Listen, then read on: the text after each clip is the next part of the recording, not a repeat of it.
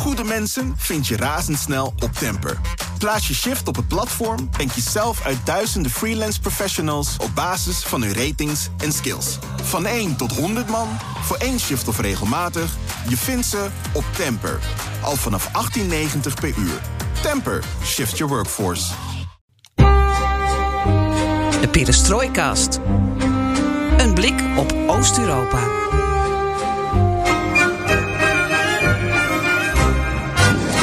Welkom bij BNR Perestrooikast, aflevering 103 van de enige podcast van Nederland die volledig oog voor het oosten heeft en geeft. En je staat op het punt om te gaan luisteren naar de grote FC Sheriff Show. Want het is de Moldavische voetbalclub gelukt om de poolfase van de Champions League te halen. Een unieke prestatie, maar moet je nou zeggen Moldavische voetbalclub, Transnistrische voetbalclub of Russische voetbalclub? Joost mag het weten. We vertellen alles over in deze aflevering. Geert-Jan en ik zijn er allebei een keer geweest. Maar onze gast heeft er nog meer verstand van. Nou, dat denk ik niet hoor eigenlijk. Hij is zelfs een keer een kroeg in Tiraspol uitgewerkt. Nou, dat heb ik niet meegemaakt. nou ja, wij hebben weer andere dingen meegemaakt. Nou ja, dan moet je het in Moldavië, Transnistrië, waar die ook zat, wel heel erg bond hebben gemaakt. Als je een kroeg wordt uitgeflikkerd. En uh, Floris, voor de mensen die het nog niet was opgevallen na 103 afleveringen. Jij hebt op onze Perestrooikas profielfoto ook te zien via de webcam ja. achter ons een sjaal van FC Sheriff om. Precies, ja. Keurig. Ga je daar gestrikt. straks het lang verwachte verhaal over vertellen? Ja, ga ik doen. Dat belooft wat. Is het spannend? Je zult wel zien. Oké. Horen. Um, je hoort straks ook nog even onze collega Michael Goelen. Met hem duiken we in onze jaarlijkse voorbeschouwing op de Champions League. En werpen we even een blik op de andere teams uit onze regio. Al moeten we zeggen dat Centraal- en Oost-Europa er dit jaar vrij bekaard vanaf komt. Um, maar dat maakt de FC Sheriff Show natuurlijk er niet minder op. Nee, daar zijn we natuurlijk ook een beetje trots op dat zo'n mooie club, zo'n bijzondere club, het zo ver schopt. En we nou, beginnen... niet, niet te enthousiast over een regio die niet al te beste voor Ik heb het even over de club zelf. Oké. Okay. Laten we even voetbal en politiek gescheiden houden. Oké, okay, dat, zeggen, dat zeggen ze altijd. De cult, precies. En we beginnen straks trouwens met ons rondje nieuws. Dat staat in het teken van Rusland. Want er komen verkiezingen aan. En uh, er is ook een nieuw kennisplatform. Oh. En ook daar heeft onze gast alles mee van doen. God, dus toen die, die kroeg in Tiraspol werden uitgegooid... toen had hij de Toen- tijd om een kennisplatform op te richten. Toen, toen opeens ja, kwam het licht. Nog heel even wachten, één minuutje, dan gaan we hem introduceren. We eindigen trouwens in Moskou met een mop van onze Joost Breakaway Bosman. En je weet het inmiddels, alles ten oosten van de rivier de Elbe... kan de komende weken, maanden, jaren in deze podcast worden besproken. En wat leuk is, is dat wij heel sociaal en democratisch zijn. En dat je ideeën kunt inbrengen via Twitter, het Perestrooikast. Of mail ons op perestrooikast.bnr.nl. En daar doen we nog wat mee ook. Mijn naam is Floris Akkerman. Ik ben Geert-Jan Haan. En dit is BNR Perestrooikast.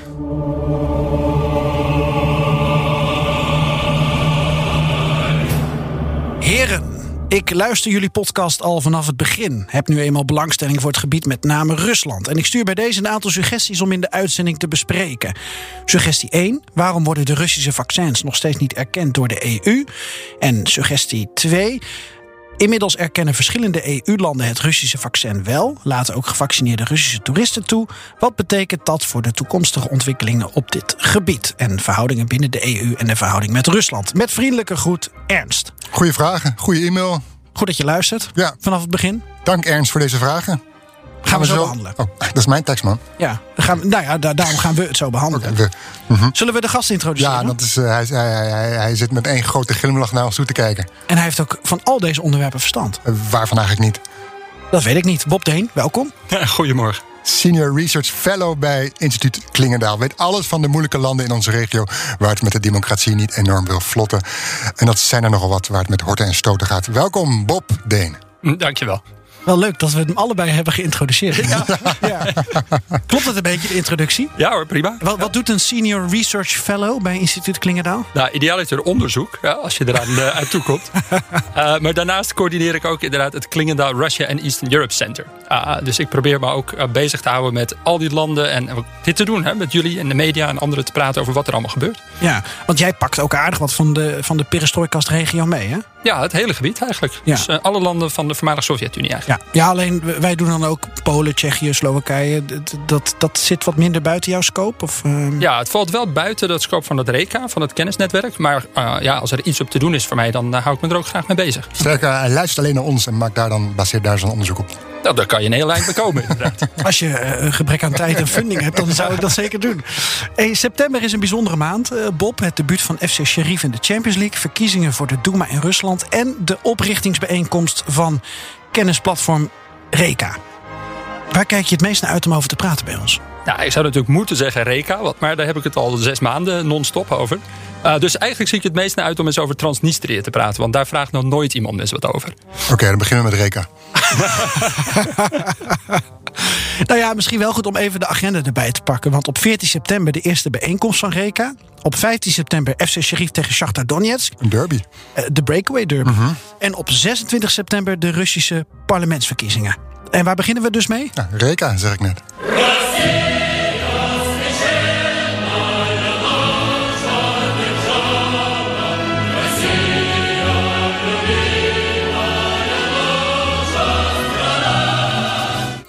Bob, kennis is macht en kennis over Rusland maakt machtiger. Maar wat houdt het nou precies in, zo'n kennisplatform? En voor wie is het bedoeld? We hebben allemaal vragen. Ja, nou, en terecht.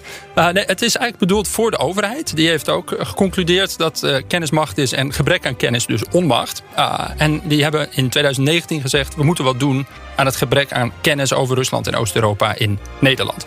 En toen hebben ze het initiatief genomen om een kennisplatform op te zetten. Om deskundigen op dat gebied met de overheid in contact te brengen, maar ook vooral met elkaar. Zodat we al die kennis die er eigenlijk gewoon wel is in Nederland. Er zijn best veel mensen die er heel veel van af weten. Uh, maar ja, die ontmoeten elkaar vrij weinig en die ontmoeten ook de overheid niet. Dus ons werk is die om uh, ja, de, met elkaar in contact te brengen. En Reka betekent? Dat betekent rivier. Ja, we moesten op zoek naar een mooie naam ervoor. En uh, ja, als ik niks gedaan had, dan had het uh, ORK geheten. Oost-Europa-Rusland Kenniscentrum. ORK. Uh, ik wou toch iets meer tot de verbeelding spreken. De afkorting. En toen heeft onze hele slimme stagiair een, een afkorting bedacht. Rusland-Oost-Europa Kennisalliantie. RK. En dat betekent het ook nog iets moois. Ja, mooi. Oh, zeker. De, de, e is, de E is dan van Eastern Europe? Of, ja, ja, ook daar een beetje verhaal achter. Eigenlijk had het Eurasië eerst moeten zijn. Maar ja, dat is ook weer zo'n term die een beetje verladen is. ja, Eureka zit er inderdaad in. Dus nee, we gaan voor Rusland en uh, Oost-Europa. Okay. En, en, en, jij bent coördinator ja. van het kennisplatform. Wat houdt dat in? Ja, de, de, overheid heeft het eigenlijk zo opgezet. Van het is een, een netwerk waarin uh, iedereen kan zitten die zich bezighoudt met die regio. Alle deskundigen zijn uh, van harte welkom. En dat wordt ondersteund door een secretariaat. En dat ligt bij instituut Klingendaal en bij Raam op Rusland. Uh, en ik ben dan uh, hoofd van het secretariaat. En vul jij dan je zakken met overheidsgeld? Nou, was het maar zo. ja. Nee, de bedoeling is uh, vooral dat dat geld eigenlijk bij dat netwerk terechtkomt. Niet alleen bij ons. Waarom moet je nou lachen? ja, zie je hem lachen. Iedereen denkt dat hier echt miljoenen en miljoenen in zitten. Hè? Dat is allemaal mooi om te nee, ik, vond, ik, vond, ik vond een leuke reactie van Bob gewoon. Ja, dat, dat, dat, maar dat Bob zegt dat hier miljoenen in, in zit. Volgens nee, niet dus. de, de Uh, de perceptie, dat, dat is wel een mooi bruggetje naar, naar jouw aflevering van vorig jaar, Floris. In september, toen was ik op vakantie. Uh -huh. Toen heb jij een uitzending opgenomen. Ah, met Ellen Rutte en Dick Berlijn. Ja. Bedoel je die? Ja. Maar toen hadden we het al uitgebreid. En ook, het gaat ook van andere afleveringen over de Rusland-strategie. De brief die naar de Kamer ging uh, vanuit het kabinet, vanuit de minister. Uh, dat was aflevering 64, Hollandse zuinigheid en kennis over Rusland. Uit die hele aanloop daar is dit platform uit voortgevloeid. Ja, want toen de perestrojkast het helemaal op de agenda zette, ja, toen ging het balletje rollen natuurlijk. Ja. ja. nee, dat, het komt allemaal voort uit die brief, inderdaad. En ook uit een uh, ja, besluit van de overheid om hier toch weer in te investeren. Van de buitenlandse zaken dan. En 14 september, de grote oprichtingsdag. Yes. Dan ja. zien we wat gaat er gebeuren. Ja, het is een mooie dag. We hebben in totaal 24 sprekers. Wij uh, zijn er niet trouwens. Nee, en ja, ik had jullie graag erbij gehad voor de live Perestrooi Café daar zo. Maar ja, als jij in Armenië zit, wordt dat, uh, wordt het lastig. Ja, ja, ik ben op vakantie. En jij bent op vakantie. Ja. Uh, maar volgende keer hoop ik dat uh, erbij te hebben. Graag. Want ik maak jullie nu live mee en het is uh, ja, ook gewoon heel vermakelijk om jullie in actie te zien. Tarief gaat weer omhoog. Ja, ja precies. Maar even terug naar die gasten. Oh ja, die gasten. Ja, dus 24? Alle 24? 24 sprekers, maar ja, die kan je niet allemaal de hele tijd livestreamen, want het, dat vindt tegelijkertijd plaats. Dus oh, we gaan ja. het hebben over geopolitiek, over economie, over wetenschap en cultuur, welke uitwisseling nog mogelijk is met Rusland. En ook over maatschappelijke ja, middenveld, de krimpende ruimte daarvoor en, en rechtsstatelijkheid. Dus heel veel onderwerpen. Uh, waar iedere keer iets van drie, vier sprekers in gesprek gaan, ook met, uh, met ambtenaren. Maar er komt ook een live openingspanel. En dat is wel voor iedereen uh, toegankelijk online. en dat gaat over 30 jaar na de val van de Sovjet-Unie. Verandering en ook continuïteit. en dan gaan we in gesprek met Robert Serri. Dat was onze eerste ambassadeur in, -huh. in Kiev. Hij is ook van Open Door Ukraine. Uh, die die ochtend ook wat organiseren over 30 jaar Oekraïnse onafhankelijkheid. Oh ja. uh, dan hebben we Kizia Hekster, die modereert het, uh -huh. oud-NWS-correspondent. En we hebben Marielle Weijermars, die gaat van de Universiteit Maastricht, die gaat wat duiden over de digitale dimensie van die Russische verkiezingen. Er gebeurt echt van alles met online stemmen en met ja, krimpende ruimte voor de media en, en overheid die controle over social media wil uitoefenen. En met Hubert Smeets van Ramo Brusland, die toen correspondent was in Moskou toen de Sovjet-Unie uit elkaar viel. Dus dat wordt een uh, mooi gesprek, hopelijk. En een website waarop mensen zich kunnen aanmelden? Ja, ja toen bleek reken.org toch alweer bezet te zijn. Dus, uh, reken.org? Uh, reken.org weet ik niet. maar die komt er inderdaad aan. Dus die lanceren we ook de 14e. Oké, okay. dan zullen wij in de show notes de details. Uh, ja, ja tof. Dank jullie wel. Link. Ja. Zeg, en dan die, die Russische Duma-verkiezingen, waar we het al eventjes um, uh, over hadden en aan refereerden. Want hoe kan een platform als Reka dan de kennis over uh, die verkiezingen vergroten? Want ja, cynisch, of misschien is het gewoon feitelijk waar. In mijn optiek is de vrijheid en democratie in Rusland verder weg dan ooit. Dus wat moet je erover zeggen? Ja, dat is toch belangrijk dat we ze goed monitoren, die verkiezingen. Ook al worden internationale waarnemers, mijn oud-OVSE-collega's, niet, uh, niet toegelaten. Uh, het gaat toch wel ergens over. Ook al weten we allemaal dat de controle van, de, van het Kremlin nu groot is. Maar de OVSE wordt niet toegelaten? Nee. Nee, nee. En ook Golos, de nationale waarnemers, uh, die zijn nu ook tot foreign agent bestempeld. Dus de overheid, de Russische overheid, houdt echt waarnemers buiten de deur. En dat is wel een nieuw dieptepunt? Dat is nieuw, ja. Want in het verleden mochten we dat nog wel doen. Uh, maar toch speelt er wel het nodige. En dan is het belangrijk dat we in Nederland al die mensen die dat uh, in de gaten aan het houden zijn, bij elkaar brengen. Dat we met elkaar vergelijken. Wat denken jullie ervan? En dat we ze ook met buitenlandse zaken en overheid in contact brengen. Want die zitten ook met allerlei vragen daarover. Dus daarom is zo'n ja, platform eigenlijk hartstikke nuttig. Want anders is iedereen op zijn eigen eilandje bezig dat te analyseren. Uh -huh, uh -huh. En nu kan je daar mooi met elkaar over in, in gesprek gaan. Ja. ja, er is nauwelijks aandacht voor op dit moment in Nederland. Misschien omdat het in de trant is van... Uh, het is niet spannend, de scheidsrechter weet de uitslag al. Hoe, hoe kijken jullie ernaar, Floris? Nou, de uitslag weet, weet ik, uh, weet je inderdaad al. Die staat er nog vast, weet ik ook. Die kan ja. ik uh, dromen. Maar anders, ondertussen zie je wel van alles gebeuren... qua repressie richting de oppositie, uh, richting media, dorst. Het buitenlands agent wordt genoemd. een van de voormannen, vrouwen van Navalny... die het land vertrokken is met Douza... Uh, nieuwssite in, in uh, de Baltische landen, in Riga.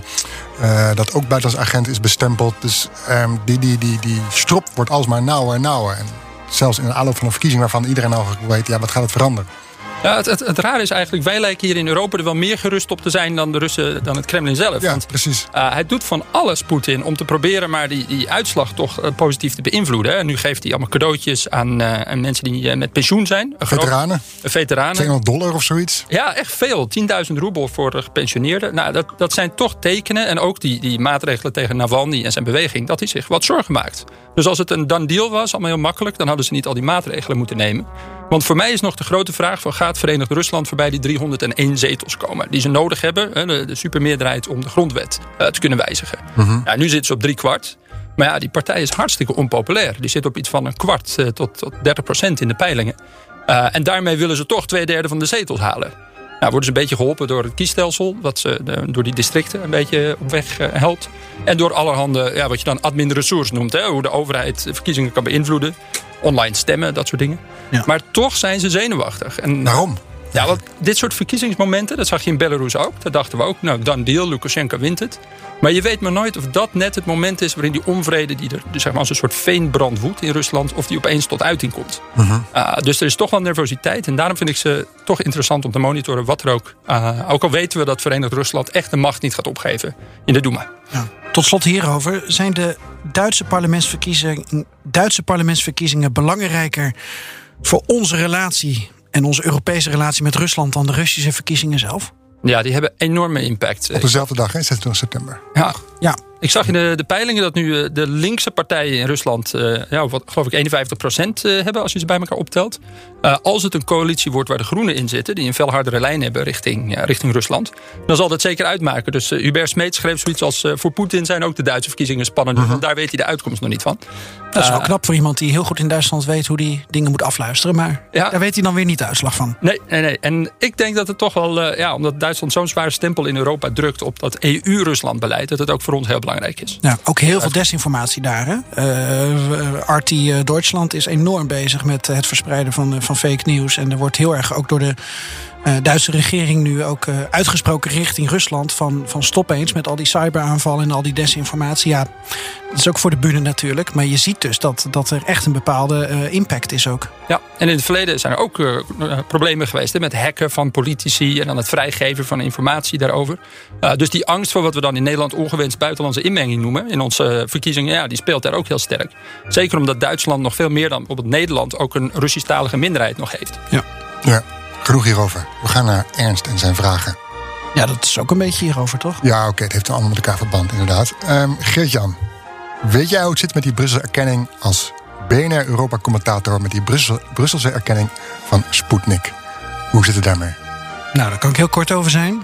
Uh, die is er niet. De EMA gaat erover. Uh, het Europees Medicijnagentschap heeft Sputnik nog niet goedgekeurd. Er ontbreekt uh, continu te veel informatie. En die wordt ook niet geleverd. Ook al wordt die informatie telkens opnieuw opgevraagd.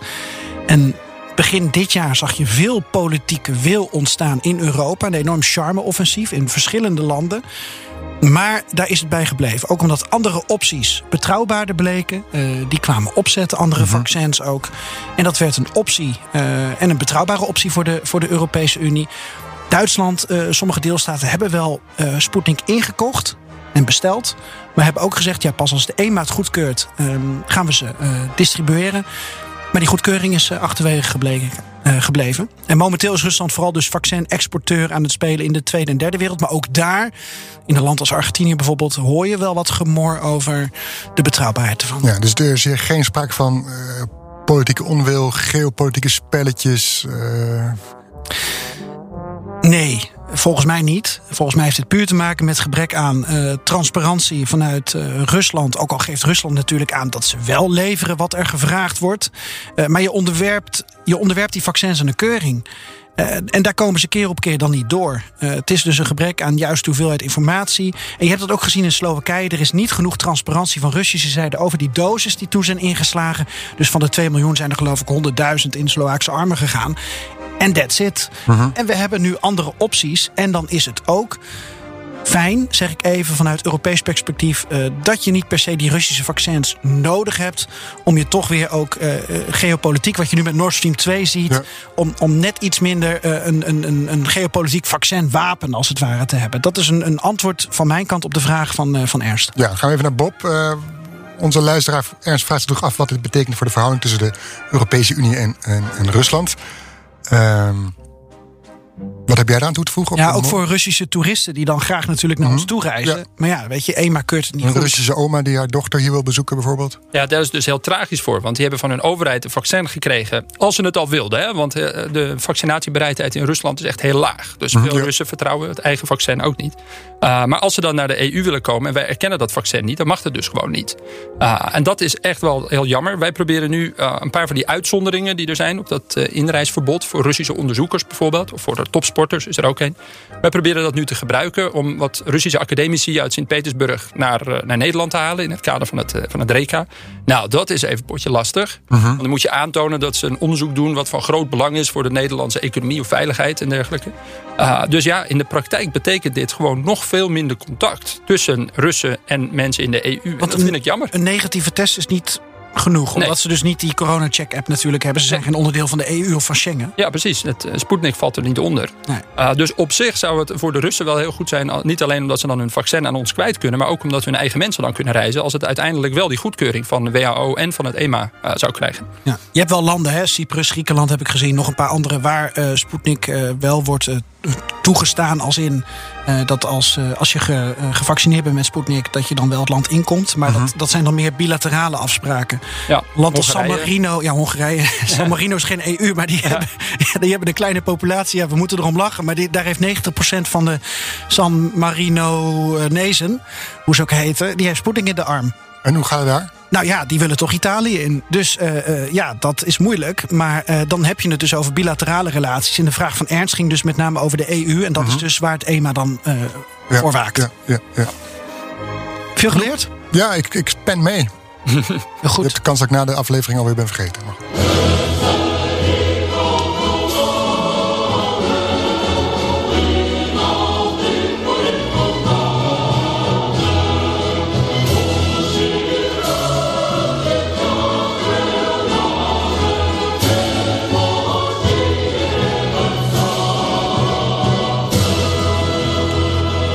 Ja, natuurlijk veel mooier dan die Champions League hymne. eh, het Moldavische volkslied. De grootste verrassing sinds de oprichting van de Champions League is het eigenlijk wel. Zo wordt de aanstaande deelnemer van FC Sheriff Tiraspol ook wel genoemd. Maar wat is het nou voor een club? Wat voor bedrijf zit erachter dat dit zo succesvol maakt? En hebben we het hier over Moldavische of Transnistrische trots? Nou, laten we dan deze podcast eh, gebruiken als een soort eh, FC Sheriff voor dummies.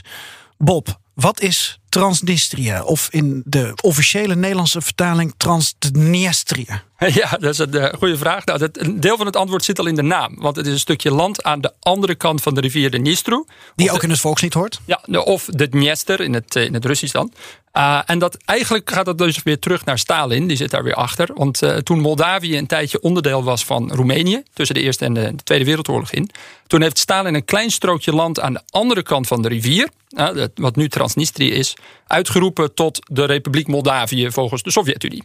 En uiteindelijk, toen de Sovjet-Unie heel Moldavië weer onder controle had... heeft hij dat gewoon aan vastgeplakt. Nou, dat bleef zo tijdens de Sovjet-Unie. Daar had niemand last van, want toen maakten die grenzen niet zoveel uit. Maar ja, toen Moldavië onafhankelijk werd, ah, toen wou Transnistrië niet bij Moldavië horen en heeft het zich apart onafhankelijk verklaard. Dus nu heb je een hele smalle strook land ah, aan de overkant van een rivier, wat claimt een eigen landje te zijn, waar nog steeds een, eh, een Russisch leger zit. En dat is dus een van die eh, onopgeloste of soms ook wel bevroren conflicten eh, genoemd van Europa. Nou, dit is wel de moeder van alle bevroren conflicten. Want hier zit, zit echt geen beweging in.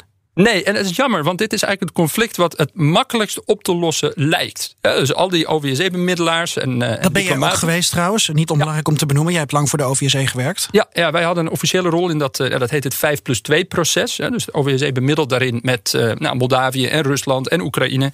Uh, om daar een oplossing voor te vinden. En dat zit inderdaad al die jaren al muurvast. Ondanks dat die bevolkingen eigenlijk niet zo'n hekel aan elkaar hebben. En ik vond Sheriff wel een mooi voorbeeld om te gebruiken. Want het is eigenlijk jaren zo geweest dat het Moldavische nationale team voetbalde in het stadion van Sheriff.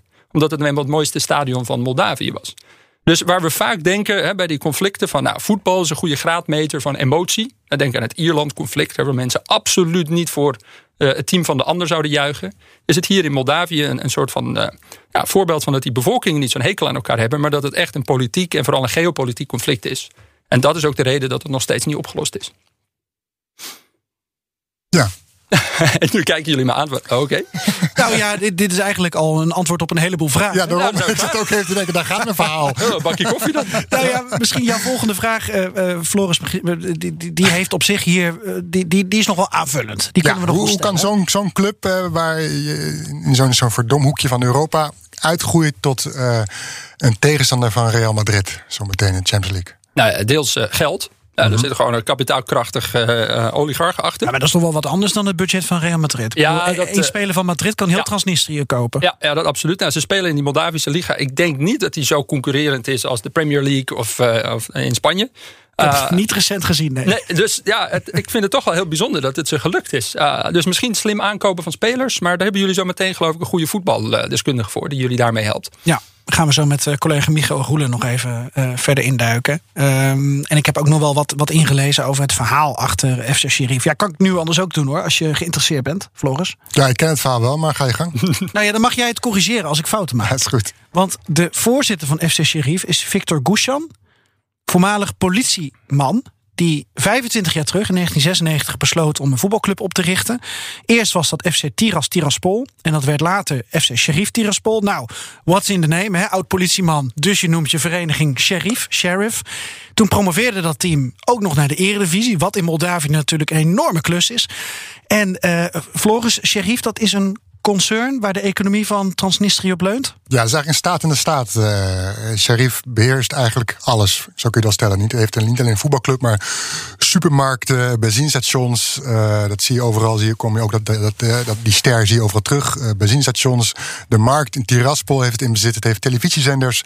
de huidige president van, van Transnistrië, Krasnaselski, is een oud werknemer van Sharif. En je ziet ook dat daar tussen de politiek daardoor allerlei banden lopen tussen, tussen Sharif, mannen voor de hoofd en, en, en de politiek. Dus eigenlijk kun je zeggen dat Sharif de touwtjes in handen heeft. Ehm, misschien dat er nog uh, in het Kremlin nog iemand zit die nog meer de touwtjes handen heeft. Maar uh, wat dat betreft, hè, Sharif het is een oligarch, wat je al zei. Ze, op allerlei manieren verdienen ze geld. Maar ze ondersteunen ook weeshuizen, ziekenhuizen, betalen pensioenen voor oorlogsveteranen. Dus Sharif heeft eigenlijk Trinas, Trinas, Transnistrië in zijn greep. Ja, je hebt, je hebt één ander groot bedrijf, dat probeer ik nu snel te zoeken. Want toen ik daar zelf was, toen zag ik dat. En dat die ook wel een textielbedrijf, Timotex, Tifotex. Nou, daar kom ik op. Maar, jij, was, jij had het ook over Quint. De wodka, de drankfabriek van ja, ja, dat is belangrijk. Ja, maar volgens mij zit Sheriff daar ook in inmiddels. Ja. Want waar zit Sheriff niet in? Dat, die zit in olie en water en alles wat er tussenin zit. Ja, um, maar goed, aan de andere kant komt het, de, het gas komt natuurlijk nog steeds van Rusland. Dus wat dat betreft is het ook wel een. Uh... Ik ben er wel lang geleden geweest. Dus mijn ervaringen, wat ik hier uh, misschien een beetje tussendoor ga larderen, dat, dat, dat gaat terug tot 2012 mm -hmm. en 2013. Uh, ik zat wel wat oude artikelen van mezelf te lezen en, en wat contacten nog na te gaan. En uh, André Smolensky was geloof ik degene die iedereen die uh, bij Bendery dan de grens overstak tussen Moldavië en Transnistrië. En dan krijg je een visum voor 24 uur volgens mij. Die nam dan journalisten op, op sleeptouw, want hij sprak Duits. Dus ook journalisten die dan niet het Russisch machtig waren, die, of het Roemeens, die konden dan met hem mee. En, en dat zag ik nog in mijn, mail, dat hij ook nog aan mij vroeg: van wil je nog even mijn website in het Duits even bekijken? En nou ja, dat soort contacten. En daar kom je dan weer tegen als je dan kijkt. Ik ben bij een Nederlander in Cimeslia geweest. Dat is uh, nog wel gewoon in Moldavië, niet in Transnistrië, die daar een taxibedrijf probeerde op te zetten. Nou, dat soort verhalen. Uh, wanneer ben jij er geweest, Floris? In 2017. En uh, was nu ook inderdaad bij Sharif. en een voetbalwedstrijd gezien tegen Academia. Ja, schitterend complex. En maar wat ook toen. Uh, en daar heb je dat sjaaltje vandaan? Daar heb ik het sjaaltje vandaan, onder andere. En ook stickers en badges. En met supporters mee de kroeg in. Uh, niet eruit gegooid, à la Bob. Um, ja, dat, wat, dat, verhaal wil ik echt zo horen. Uh, een, schoenen, een schoenenfabriek bezocht. En die schoenenfabriek die exporteerde de schoenen naar de Europese Unie. Moldavië, of naar Roemenië, naar uh, uh, Italië onder andere. Wat blijkt dus, er is een of ander document, en Rusland wil daar niet al te veel rugbaarheid aan geven, waarin er dus wel degelijk handel is uh, tussen de Europese Unie en, en Transnistrië. Waardoor fabrieken, dus wat de, producenten wel degelijk kunnen uitvoeren naar de Europese Unie. Nou, ik zoek, ik google Rusland. nu op schoenenfabriek Transnistrië. En ik, mijn eerste hit is jouw verhaal Precies. voor de correspondent. Europa en Rusland strijden om dit land. Ondertussen wordt er wel handel gedreven. Ja, er is, dus, er is dus een document waarin afspraken, een soort van afspraken zijn gemaakt. Floire heet de schoenenfabriek. Ja, ja klopt. In Bendery. Ik heb ze aan nog steeds. En uh, Rusland staat het soort van oogluikend toe. Want het is ook een middel voor Transnistrië, voor de bewoners, om toch geld te verdienen. Als je alleen maar. Anders moet Rusland voor alles, uh, uh, alles gaan betalen. En dat heeft, dat, dat heeft ook zijn invloed op de Russische portemonnee. Dus Rusland staat toe eigenlijk dat Transnistrië handel drijft met de Europese Unie. Dus zo zwart-wit dat we zeggen van Transnistrië, dat ligt helemaal aan de adem van een zuurstoffles van, eh, van Rusland.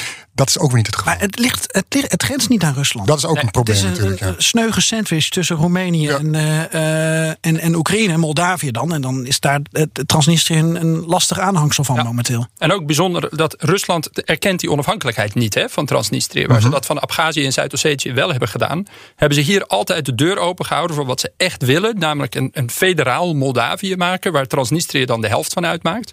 Wat dus ook een veto altijd zal hebben op uh, de vraag of Moldavië bij de NAVO, de EU of bij Roemenië. Uh, ja, precies, was eigenlijk hetzelfde voor ogen hebben in Oost-Oekraïne ja. met de Donbass. Een stok achter de deur. Ja, maar ja, het is behoorlijk veranderd. Want in het begin, in begin jaren negentig, werden ze schatrijk in Transnistrië door te smokkelen met Oekraïne. Vooral met de haven van, uh, van Odessa. Jullie kennen misschien het verhaal nog wel van die kip. Transnistriërs aten dus meer kip, echt honderden kilo's kip.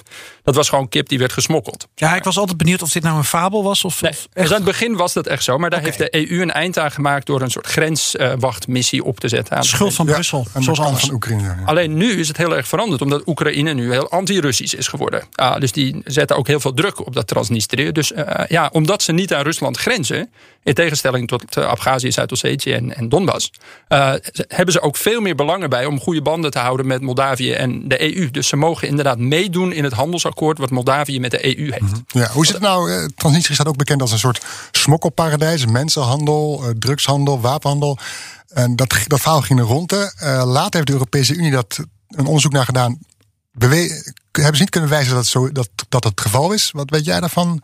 Ja, in het begin Als, wel als hoor. onderzoeker. Ja, in het begin was het echt zo'n soort Wild West. Hè? Want het was gewoon een, een zwart gat waarin ook De geen controle 90. was. Ja, de jaren negentig. En toen had je die eerste ja, zogenaamde president Smirnov.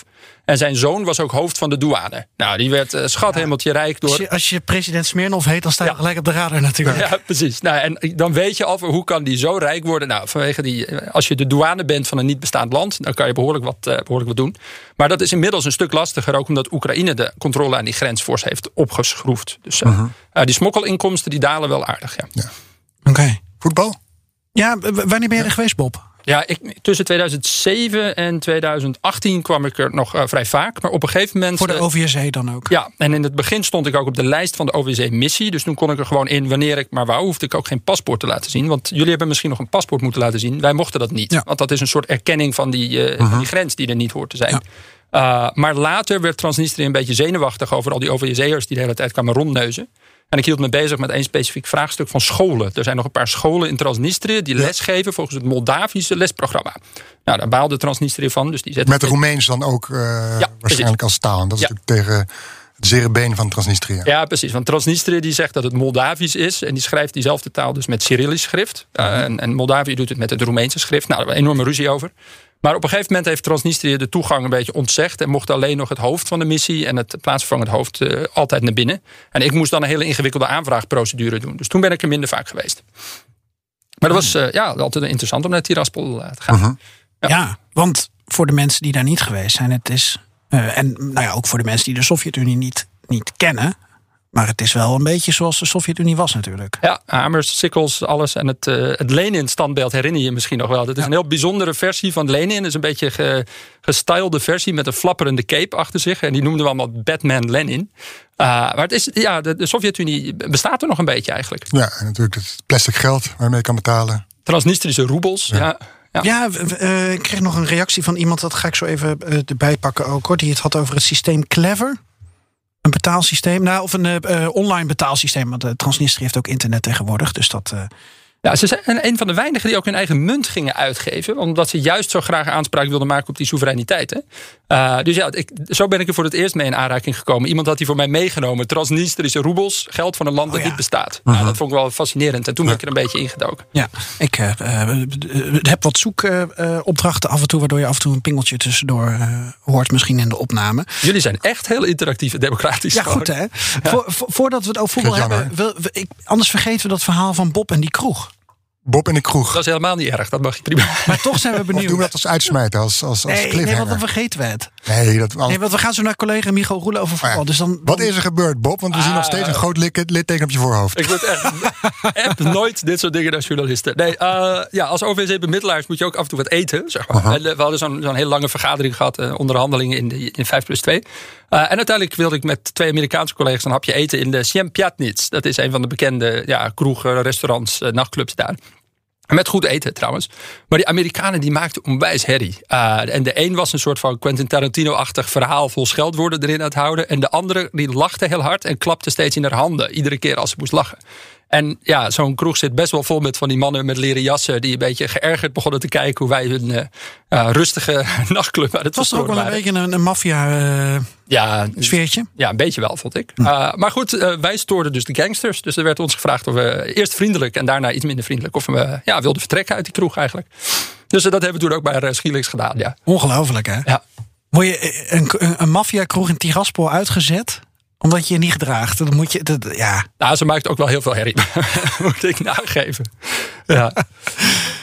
Wat- kijk jij dan, Floris? Had je een spannender verhaal Ik had spannender verwacht. Oh, je had ook een vechtpartij Ik verwacht. ben enorm tegen dit. Nee, dit is het, of is het een soort van... De OVC is er voor vrede en veiligheid. Ja, kunnen is dit een soort voor gecensureerde versie en is er veel meer gebeurd?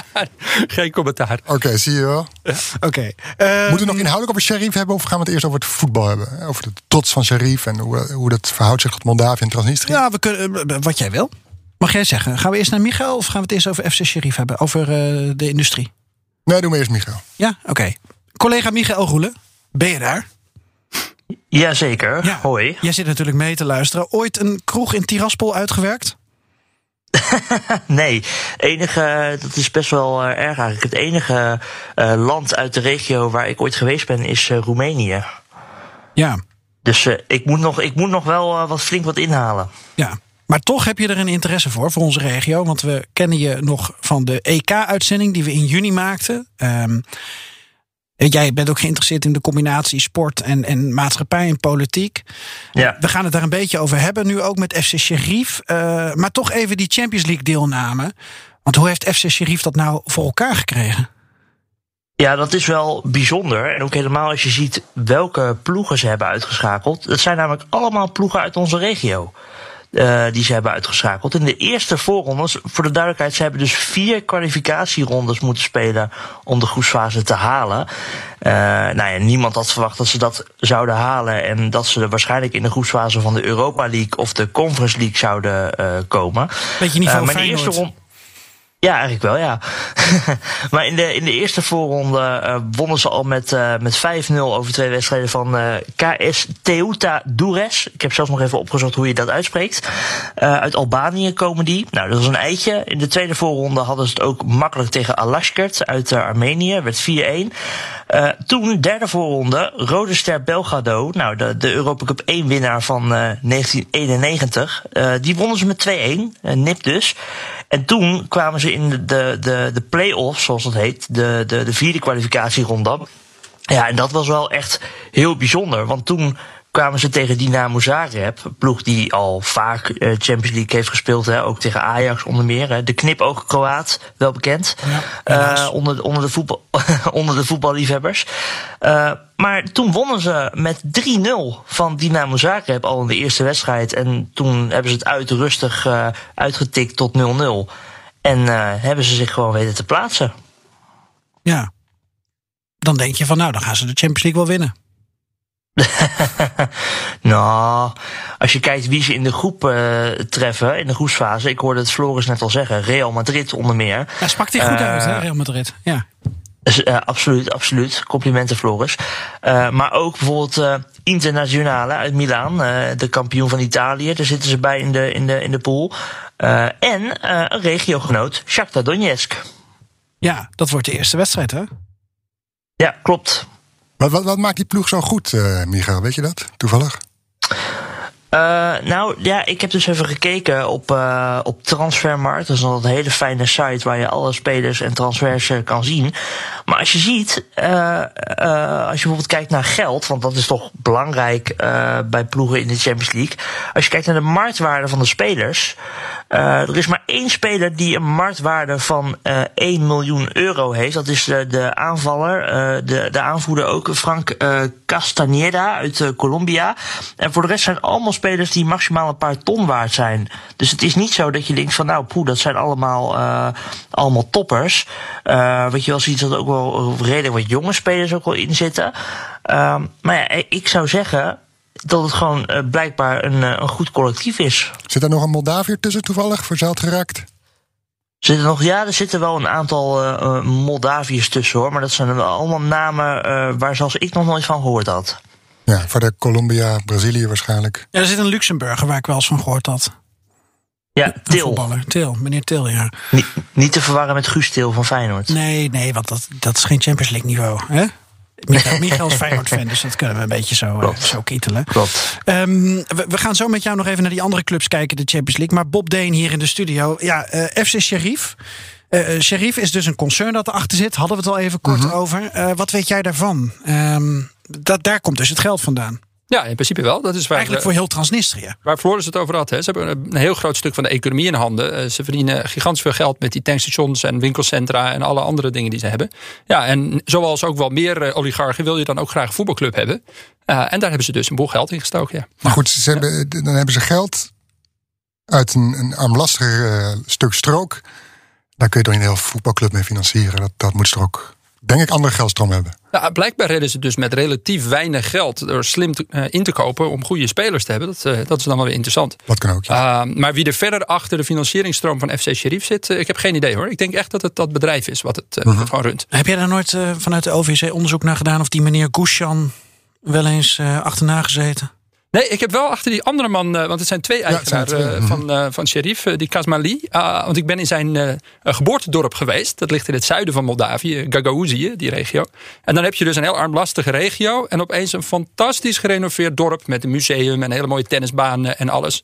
Dus het is ook wel duidelijk zo dat Sheriff zich niet zo bekommert om zeg maar, de rest van het land. Maar ze hebben een paar projecten die ze belangrijk vinden. Zal die voetbalclub er ook een van zijn. En daar stoppen ze dan gewoon heel veel geld in. Ja, die voetbalclub is wel, wel wat complex. Daar kan Feyenoord denk ik een pintje aan zuigen. Ja, ik heb het ook tien jaar terug gezien. Het zag er fantastisch uit. Nou ja, het heeft, het, eh, er kunnen geloof ik 12.000 man in. Dat is wel anders dan de Kuip. Ja. Vond het niet zo indrukwekkend als echt de mooiste Nederlandse voetbalstadions. Maar het was wel heel Ja, modern. het, het complex aan zich. Dat, ze, ze hebben een, groot stadion, een kleiner stadion. In de hal hebben ze nog van alle sportvelden, tennis. eh, Het is echt enorm complex. En er schijnen ook andere clubs uit de regio. Die slaan daar een trainingskamp op. Omdat het daar gewoon eh picobello is georganiseerd. Ja. En, ehm, dus, en ze waren geloof ik toen ik er was in 2017 nog weer aan het, aan, aan het uitbreiden. Ik sprak een van de supporters. Ja, we gaan uitbreiden met onze sportvelden tot aan de grens met Moldavië. Dus een soort, soort van, toch een soort van uitbreiding of een invasie. tot aan de Dniester.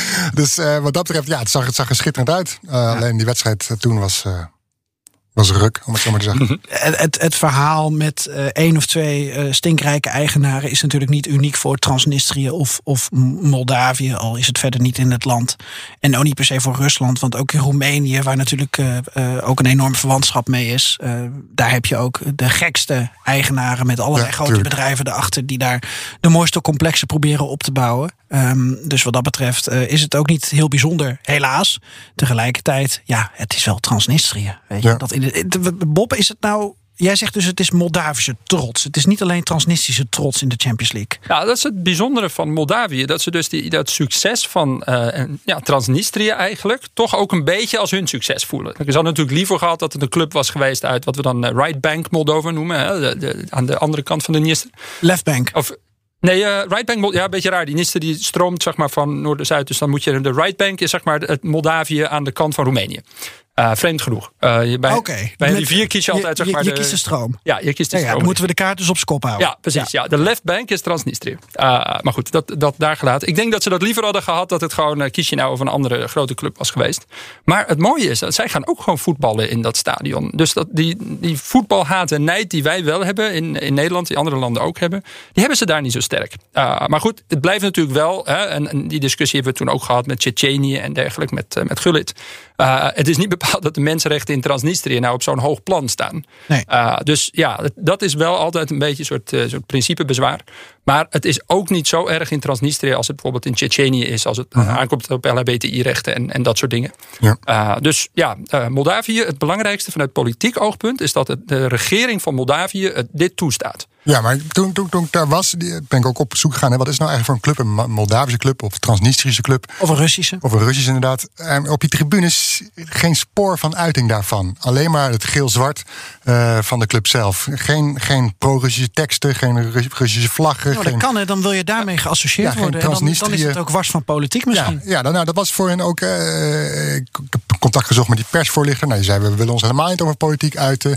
Die supporters waar ik was. Hij wou je alleen maar het uh, voetbalsysteem van, uh, ja, van waarschijnlijk. Uitleggen, die, sport, natuurlijk. die supporters, maar er was één supporter die wilde iets zeggen over Poetin. Uh, iets negatiefs. Waarop de, de, supportersleider, een grote stevige kerel, um, uh, bestraffend toesprak: van we gaan het niet over politiek hebben.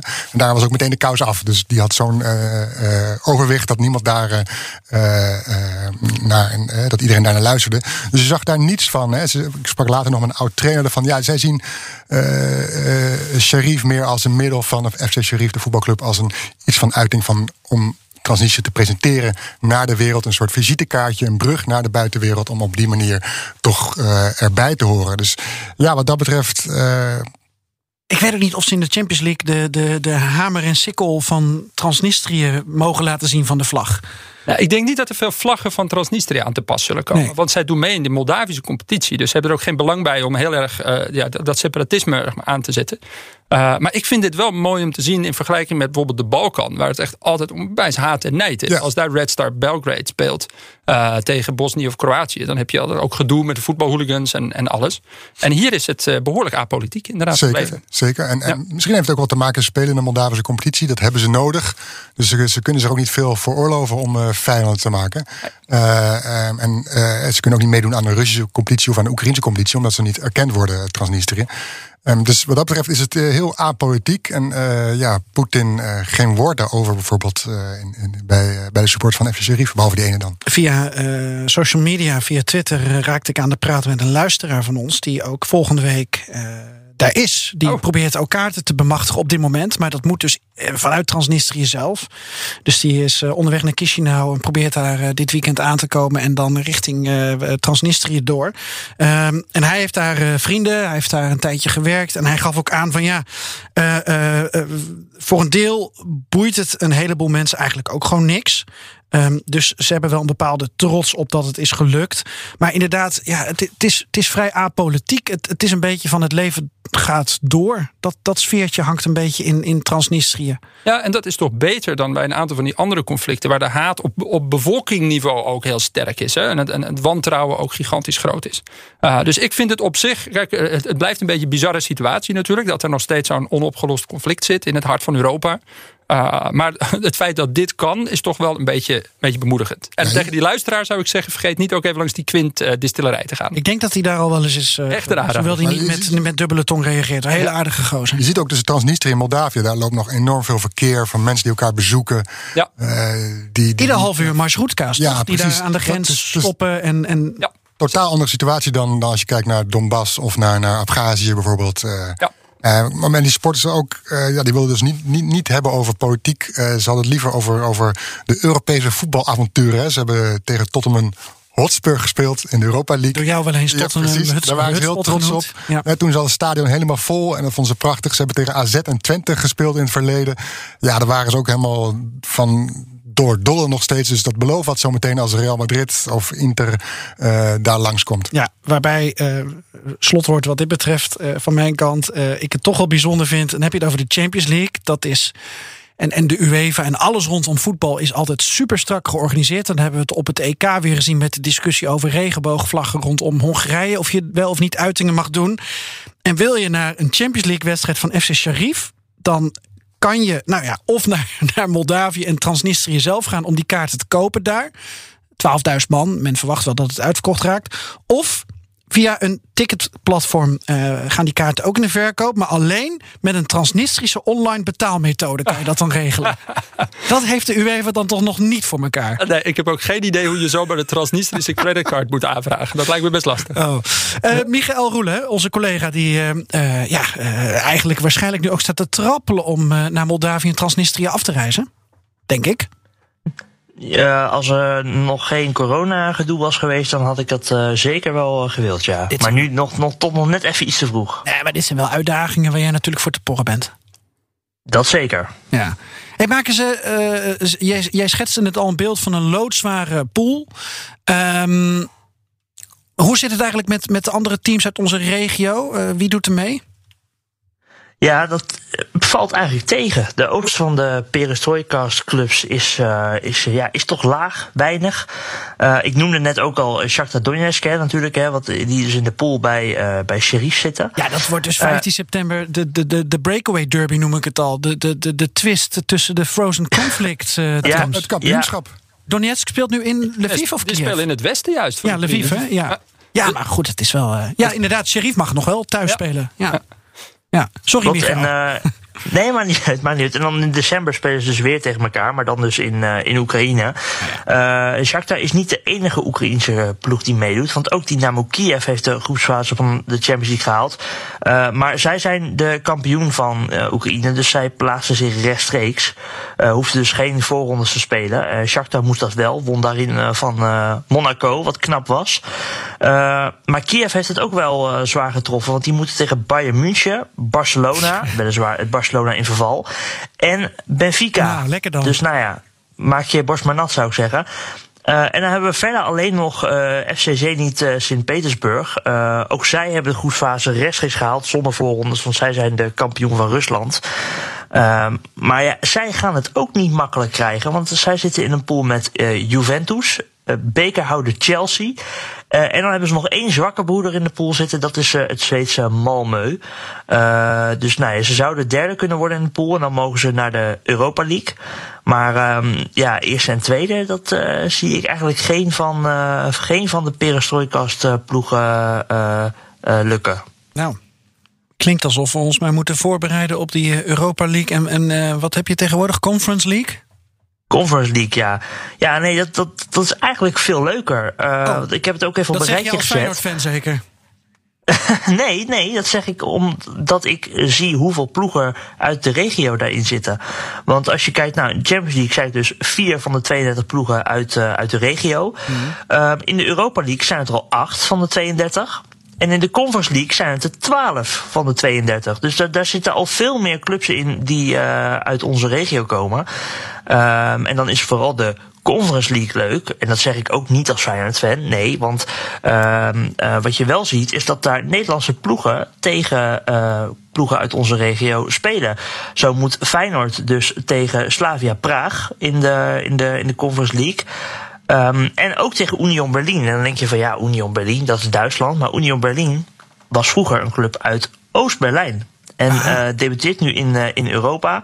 En uh, Union Berlin was vroeger ook echt een, een club die geliefd was voor tegenstanders van het DDR-bewind. Dat was zeg maar met Dynamo Dresden een plek waar je als fan naartoe kon om, om even je frustratie ten opzichte van Honecker, Mielke en co te uiten. Uh, ja, ja moet, moet ook kunnen, hè? Dat, zelfs in een dictatuur. Uh, en dan hebben we nog AZ, die spelen tegen het Roemeense Cluj en het Tsjechische Jablonec. En Vitesse oh, je moet tegen. echt de uitspraak geoefend. Dat gaat goed, Michael. Uh, dankjewel. Ja. En Vitesse moet het opnemen uh, tegen. En dan heb ik het niet over de speler die ooit een hattrick tegen Ajax maakte in de Champions League. Die moet het tegen NS Mura uit Slovenië. Oh.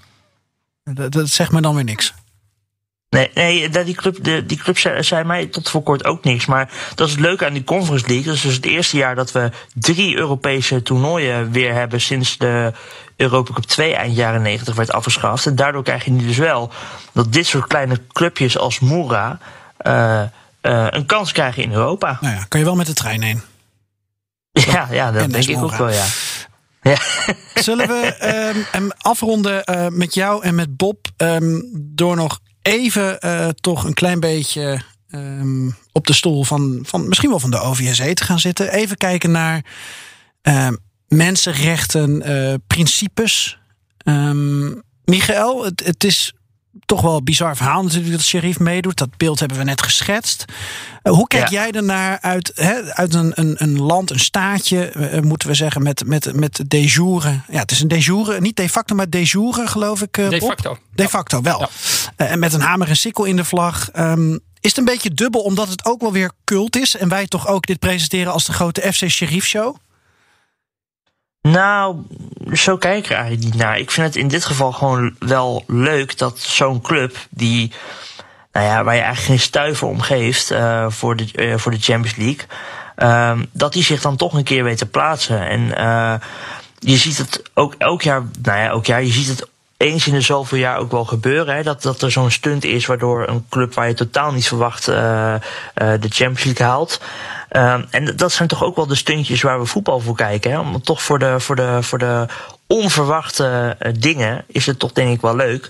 Al moet ik wel zeggen, als ik er gewoon puur sportief naar kijk, ja, ploegen van dit niveau komen toch beter tot hun recht in de Europa League en de Conference League. Oké. Dankjewel, Michael. Of komt hij nog terug? Nou, je, je- lees jij het draaiboek ooit mee? Ah ja, Bob. terug naar de OVSE. Ik probeer de mooiste bruggetjes hier te maken. Je hebt al een beetje geschetst, hè, mensenrechten. eh, sta je nou te juichen om. eh, of, nou, laat ik, laat ik het anders stellen. Moeten we de eh, deelname van Sharif aangrijpen om ook met mensenrechten en alles wat er misgaat in Transnistrië aan te kaarten? Ja, het is natuurlijk wel een mooie aanleiding om het weer eens over Transnistrië te hebben. En ook waarom dat conflict er nog steeds is. Ja, want als je naar die mensenrechten situatie kijkt. Er is een tijdje geleden, heeft de Raad van Europa gezegd. Alle mensenrechten schendingen die daar plaatsvinden. zijn mede de schuld van Rusland. Want Rusland steunt het regime. Uh, Rusland heeft er nog steeds troepen. Uh, dus dat, daarmee proberen ze wat druk te zetten op Rusland. Van zoek nou naar een oplossing voor dit conflict. Want jullie dragen mede verantwoordelijkheid voor wat daar speelt. Nou valt het in vergelijking met de andere protracted conflictgebieden. nog wel mee met de mensenrechten schendingen in, uh, in Transnistrië. Dus ik vind het eigenlijk wel vooral een mooie aanleiding om ja, dat conflict weer op de kaart te zetten. Uh, mensen raken er nu bekend mee. Misschien gaan ze er zelfs naartoe. Komen ze erachter wat een rare situatie het eigenlijk is. Uh, en misschien heeft dat op een langere termijn er wel meer positieve impact dan het zoveelste negatieve OVSE-rapport over de mensenrechten situatie. Ja, ja. En jij hebt er dus. Uh... Ik heb er niet al te veel moeite mee, moet ik eerlijk zeggen. Nee. Omdat het van Moldavië ook mag. Hè? Dat is het bijzondere van dit conflict. Uh -huh. Kijk, het zou wat anders zijn als een Abhazisch voetbalteam via de Russische competitie uh, ergens terechtkomt tegen de wil van Georgië in. Ja, dan ja. is het weer een daad waardoor Abhazie verder afdrijft van Georgië. Maar hier is het het omgekeerde. Maar is het ook niet geopolitiek, geopolitiek gezien, dus Moldavië, de achter de Europese Unie, juist ook. Nou, die komen met... nooit in de Europese Unie om, om, om, en, en nooit in de NAVO vanwege. Nee, maar via, via, via FC Sharif daar toch nog, uh, als, je het, als je het van je, af, van, van je afscheidt. Sharif bijvoorbeeld, op die manier, ja, dan verlies je überhaupt de controle of enige aansluiting, laat ik het zo zeggen, met Transnistrië, enige band. Dus ook voetbal is hierin toch een middel misschien om die band met Transnistrië en de bevolking daar uh, overeind te houden. Ja, en dat is wel nodig, want er is altijd het risico, er is een deel van de Moldavische bevolking die zegt, eh, laten we ons dan maar aansluiten bij Roemenië. Nou, dat, dat, leeft, dat sentiment, dat groeit onder jongeren ook vooral. Veel daarvan hebben in Roemenië gestudeerd. Maar dat is nou wat Transnistrië absoluut niet wil. Dus dat zou tot een definitieve scheiding uh, ja. moeten leiden. Uh, en kijk, en zo'n ding waar ze iets gemeen hebben, de, de twee kanten van de rivier de Dniester, dat ze ja. allebei trots kunnen zijn op voetbal. Misschien is dat wel een nuttige kracht om ook een beetje de eenheid van dat land, die we toch allemaal willen, uh, weer wat te versterken. Nou, in ieder geval tussen, tussen, de, bevolking. Tussen de bevolking, tussen de bevolking ja. ja. Maar ook op overheidsniveau, want de Moldavische regering had dit kunnen blokkeren, had daar heel erg moeilijk uh -huh. over kunnen doen. En dat hebben ze niet gedaan. Ja. Dus de Champions League deelname van FC Sheriff gaat misschien wel voor een heel klein beetje glasnost en perestroika zorgen? Nou ja, ik een hoop Nobelprijs het. voor FC Sharif. Ik vond ook bijvoorbeeld uh, dat, toen Rusland dat, uh, dit voetbaltoernooi organiseerde, dat leidde toch tot meer contacten tot, tussen gewone Nederlanders en gewone Russen. Uh -huh. En dat vind ik belangrijk, want anders dan denkt iedereen altijd maar het Rusland van Poetin, dus dat hele land, enzovoort, enzovoort. Uh, maar zo is het gewoon niet. Dus als mensen erheen gaan, ze zien dat het ook gewoon mensen zijn die voetbal leuk vinden. Uh, wie weet schept het toch iets meer een band en dat kunnen we wel gebruiken. Want anders groeien de jongeren in Transnistrië gewoon op achter een soort van barrière. En hoe raar is het om op te groeien in een land dat niet bestaat. Uh -huh. Dat je nergens beurzen kan krijgen, geen kant op kan. Dus ik vind het wel een, een mooi stukje openheid naar de rest van de wereld. Maar goed, uh, jongeren die vertrekken volgens mij wel massaal. Ja, heel veel emigreren. Ze hebben ook vaak uh, dubbele of drie dubbele paspoorten. Precies, Russisch ja. en een Roemeens paspoort en een Moldavisch paspoort proberen ze dan te krijgen. Ja. Om en met het Roemeens paspoort kun je dan weer naar de Europese Unie. En dan kun je weer naar de Europese Unie. Ja. Maar ook zonder als het hele gebied uh, ontvolkt, toch? Mhm. Uh -huh. Dat er bijna niemand overblijft. Kunnen zij in ieder geval naar Bernabeu of uh, naar Giuseppe Meazza om de wedstrijden van Sheriff te bekijken bij Inter Milaan en, en Real Madrid. Dank. Ehm, dank Michael Roelen. Onze collega die volgens mij nu richting Berlijn gaat om daar naar Union te gaan voor een mooi wedstrijdje. Ja, graag gedaan.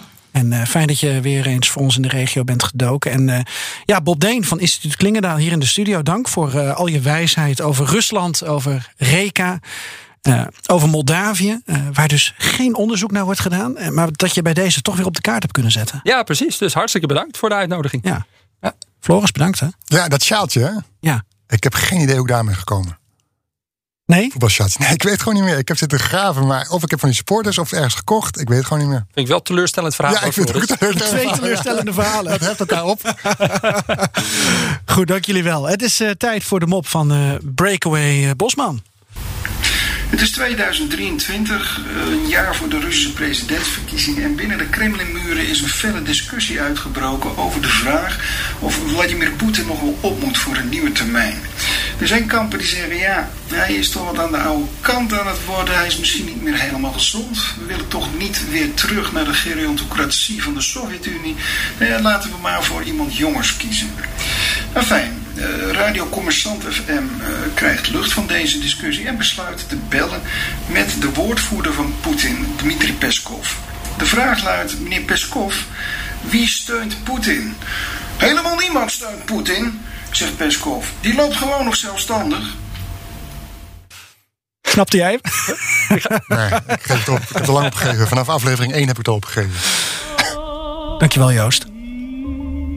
Akka. Aito.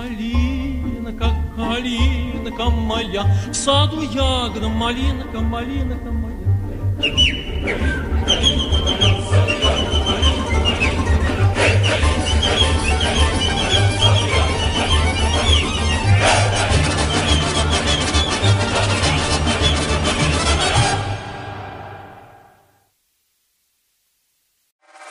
Mensen vind je razendsnel op Temper. Plaats je shift op het platform en kies zelf uit duizenden freelance professionals op basis van hun ratings en skills. Van 1 tot 100 man, voor één shift of regelmatig, je vindt ze op Temper. Al vanaf 18,90 per uur. Temper, shift your workforce.